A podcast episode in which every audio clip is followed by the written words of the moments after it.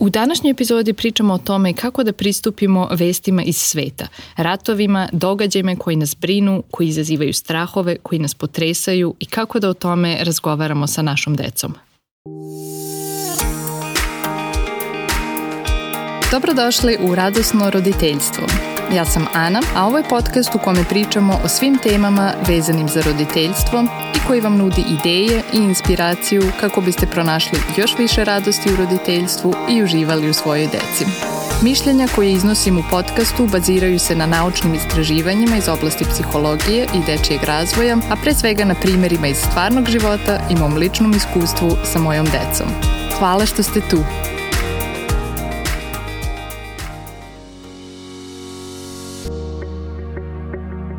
Ovo je tema koja je trenutno aktuelna zbog rata u Ukrajini i koja će kod nas koji smo sa Balkana i koji smo doživjeli ratove 90. godina probuditi veoma neugodne osjećanja i podsjetit će nas na mnoga traumatična iskustva i sećanja. Iako imamo decu, onda se postavlja pitanje prvo kako sebi najbolje da pomognemo, a zatim i kako da pomognemo našoj deci.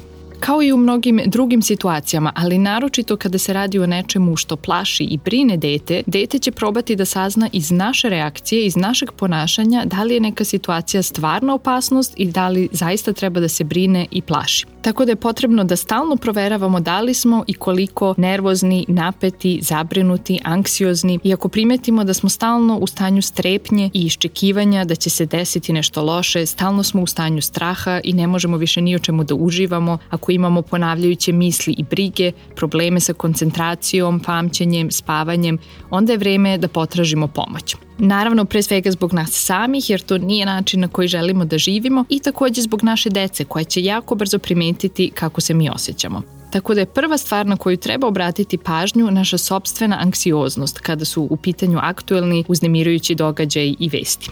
Kada smo već kod vesti, naravno da želimo da se informišemo i znamo šta se dešava, ali moje lično mišljenje i iskustvo je da nije dobro ako stalno čitamo, slušamo, gledamo vesti, stalno nam stižu obaveštenja i vesti pristižu u naš dom sa svih strana. Kada se dešava nešto značajno i uznemirujuće oko nas, prirodno je da osetimo strah i nemoć i praćenjem događaja pokušavamo da reagujemo na to i prosto postajemo zavisni od vesti. Međutim, praćenje vesti nas ne umiruje, nego ima potpuno suprotan efekat. Vesti su osmišljene tako da nas drže zavisnima, da nas drže u strahu i brizi. Uvek se priča o najgorim mogućim scenarijima i čak i da se ti scenariji zaista ostvare, velika količina takvih vesti ne donosi ni jednu vrednost koju želimo da promovišemo u našem domu. Ne donosi nadu, dobrotu, ljubaznost, solidarnost, toleranciju, veru u pozitivan ishod. Vesti i mediji nas ne povezuju, nego produbljuju podele i konflikte među ljudima i ne nude apsolutno nikakve pokušaje da se situacija sagleda i razume sa svih strana i ne doprinose rešavanju i umirivanju situacije naprotiv. Tako da je po mom mišljenju naš zadatak da znatno smanjimo izloženost vestima i medijima i da se potrudimo da je naš dom jedna oaza sigurnosti i mira. To je ono što možemo da uradimo i što je u našoj moći.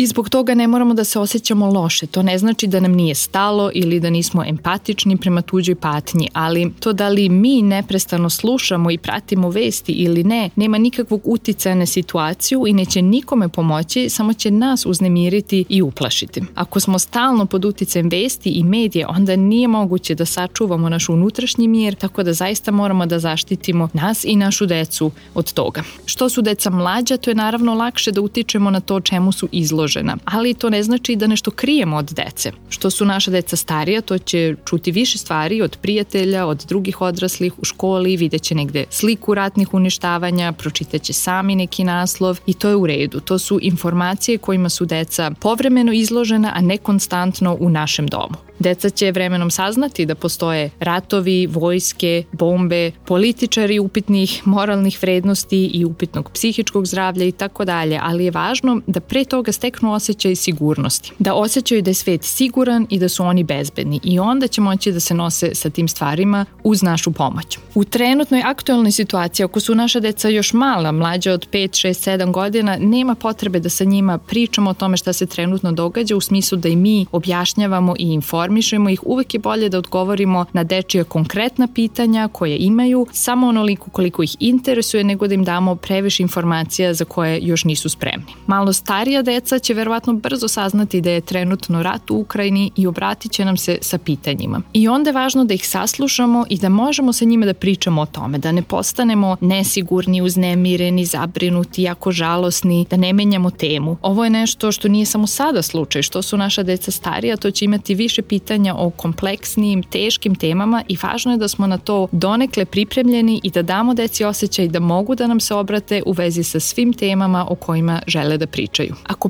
primetimo da su dečija pitanja u nama izazvala jaka osjećanja, da su nas jako uznemirila ili rastužila, podsjetila na neke traumatične događaje i da nam je teško da razgovaramo o tome, onda je to znak da bi trebalo sa nekim da obradimo ovu temu pre nego što o tome pričamo sa našom decom.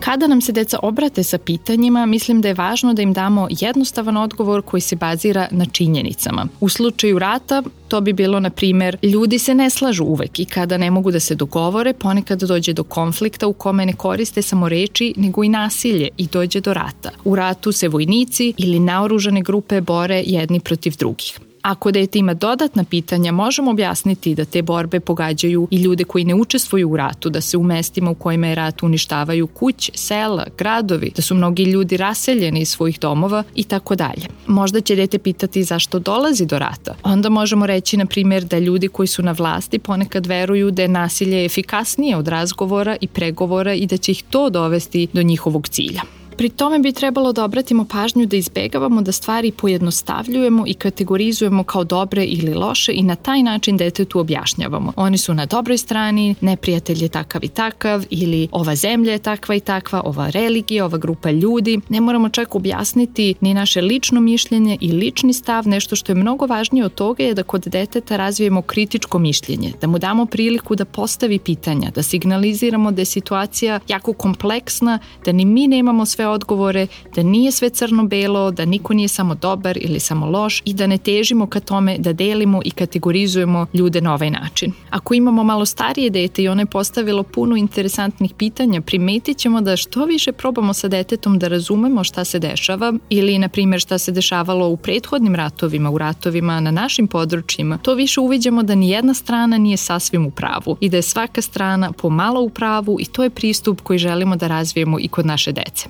I takođe želimo da napomenemo da je rat daleko od nas i da smo mi bezbedni, tako da deca imaju osjećaj da su sigurna i da iz tog sigurnog mesta možemo da pričamo o svim ovim stvarima. I možemo dodati da verujemo da će zemlje koje su u ratu pronaći rešenje, isklopiti mir, da se rat na kraju uvek završi i da postoji puno ljudi koji na neki način pomažu i trude se da doprinesu poboljšanju situacije. Tako da, pored toga što smo svesni naše sobstvene anksioznosti, što smo ograničili izloženost vestima, želimo da ponudimo deci odgovore na sva pitanja, priliku za razgovor, želimo da ih saslušamo, prihvatimo osjećanja i strahove koje možda imaju u vezi rata i na kraju naglasimo da su oni bezbedni i ponudimo malo optimizma i nade u najbolji mogući ishod događaja. Da li su vas vaša deca već nešto pitala u vezi aktuelnih događaja? I ako da, kako ste reagovali? Javite nam u komentarima uz ovu epizodu na web stranici radosnoroditeljstvo.com.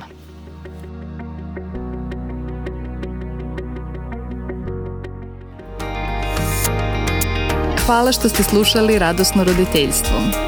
Ako imate neko pitanje, predlog ili samo želite da mi se javite, pošaljite mi e-mail na adresu podcast.radosnoroditeljstvo.com ili popunite kontakt formular na web stranici radosnoroditeljstvo.com. Čujemo se za dve nedelje.